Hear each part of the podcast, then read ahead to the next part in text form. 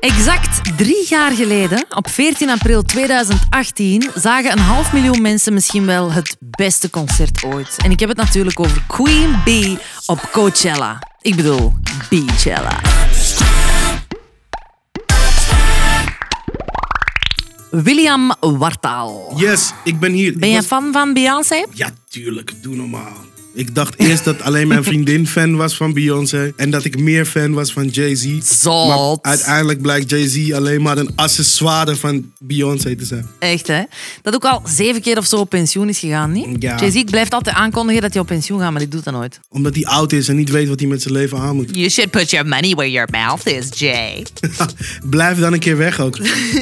Dus het bekendste festival ter wereld.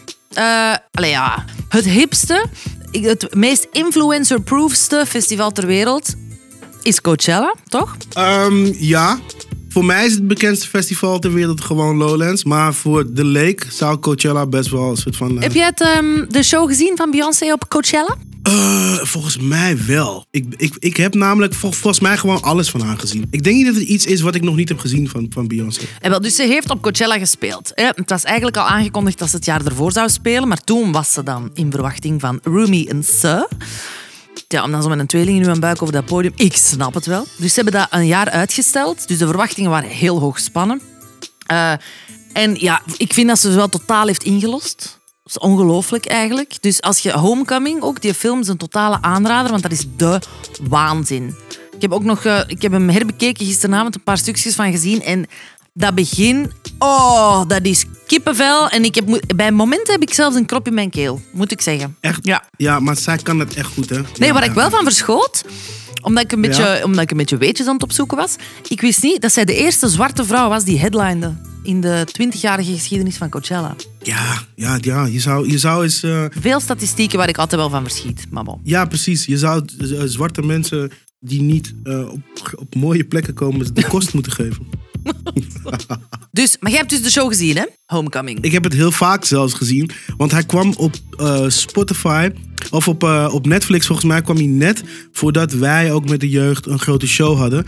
Dus toen, dus toen eh, waren we al bezig met de voorbereidingen. En toen zagen we dit. En toen zag ik dit. En toen, eh, en toen ging ik een beetje dood van binnen. Toen dacht ik, oh, wa- waarom, eh, waarom treed ik überhaupt nog op? Ja, snap ik. Ja, ze heeft me wel gekwetst. Maar bon, in haar Rolodex en natuurlijk heel veel... Allee, het is ongelooflijk, want Jay-Z is een deel komen meerappen. Solange is even komen mee dansen op podium. En dan, eenmaal op het einde, Destiny's Child. Hè. Ja, Ja. dat doen ze bij mij nou nooit. ja, dan begin ik dan echt ook terug te wenen. Dus Lose My Breath, Say My Name, Soldier, waanzin. Heel veel mensen zijn ook grote fan, heel veel ehm, famous peoples. Want dus Rihanna stond ook in het publiek. Eh, die vonden dat natuurlijk ook de waanzin. Lily Allen heeft zelfs getweet: Beyoncé invented festivals. En Adele was thuis in haar pyjama aan het zien en die was zo enthousiast dat ze heel veel filmpjes heeft gepost eh, dat ze in, eh, in haar pyjama dus voor tv staat te dansen. Heb jij Beyoncé ooit live gezien? Ehm, nou, ik, heb dus, ik, ben, ik ben één keer met de jeugd zijn we naar Engeland gevlogen voor MTV Awards of zo. En toen ging Beyoncé daar optreden.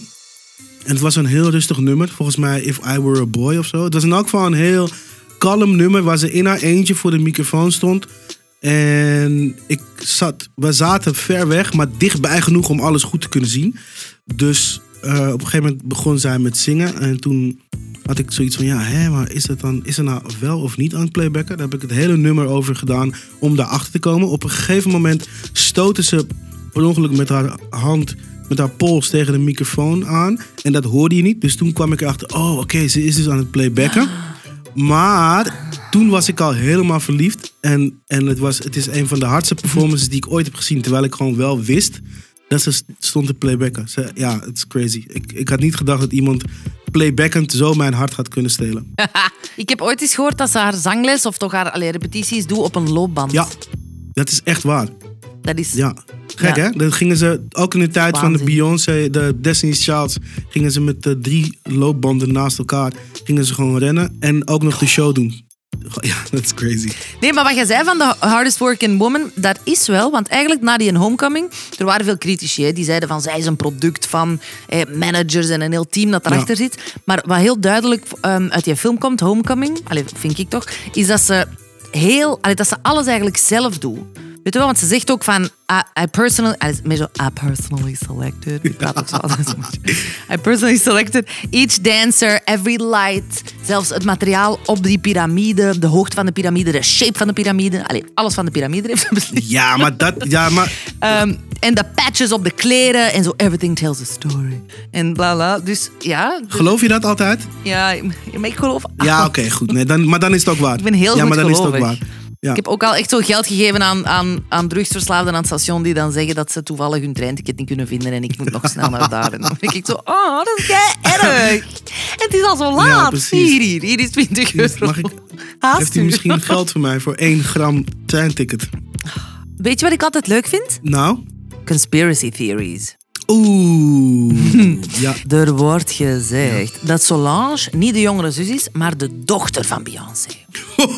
Dus mensen zeggen dat Beyoncé zwanger is geworden en dus een tienermoeder was. Ho, ho, ho, de schande. Oh, wauw. En dat ehm, zo de typische truc, zoals dat ze, zoals dat ze in Desperate Housewives en zo eh, doen ze die, hè? Dat, ze dan, dat, die, dat, die, dat die dochter dan lang op vakantie gaat en dat dan daarna de ouders eigenlijk hun kleinkind opvoeden alsof het hun eigen dochter is. Dus dat zeggen ze dat dat gebeurd is met Solange.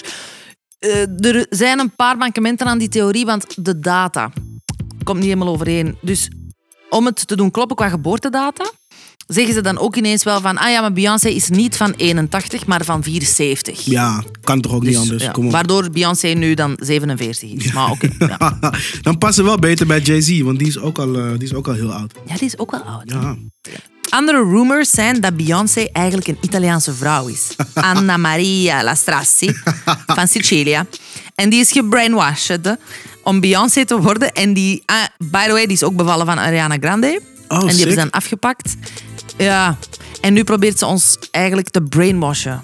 Maar wat- Via allemaal dansjes en via video's. Zodat we nu kunnen klaargemaakt worden voor de New World Order. Wat werd je aan het zeggen? Wat? Dat is wel heel sick. Ja. Wauw. Dus allee, ja, ik weet niet wat jij nog zitten hebt van, eh, van Beyoncé trivia, maar vond, ik vond die wel goed. Ja, inderdaad. Wauw, maar dit, dat gaat wel echt heel ver. Zijn er zotte geruchten over u niet? Alleen misschien geen gekke conspiracy theories. Ehm, of klopt alles wel? nou- klopt alles wat ik al heb gehoord over u? nou, ze zeggen dat ik eh, al sinds 2011 geen hit meer heb gehad, maar dat is niet waar. Dat is niet waar. Nee, dat is wel waar. Anyway, ik, eh, ik weet wat ik nu ga doen. Wat ga je doen? Vertel, wat ga je doen? Ik hoop dat ik het ging vragen. Nee, ik wil eigenlijk samen met u wel eens kijken naar, die, eh, naar de film van Beyoncé. hè. Oeh. Gaan we samen kijken naar de film van Beyoncé? Ja, lijkt me heel tof. Ja, ja, ja. Alright. ja gewoon de podcast die eh, geluisterd moet worden, toch? En, eh, en de playlist. Ja, waarom zeg je het niet? Waarom, en waarom Ja. zeg je ook niet tegen de Oh, lieve mensen tot morgen? Luister naar de Popspraak. Ja. Sorry, luister naar de Popspraak podcast en de playlist. En tot morgen. Tot morgen. Wat goed van je, ja.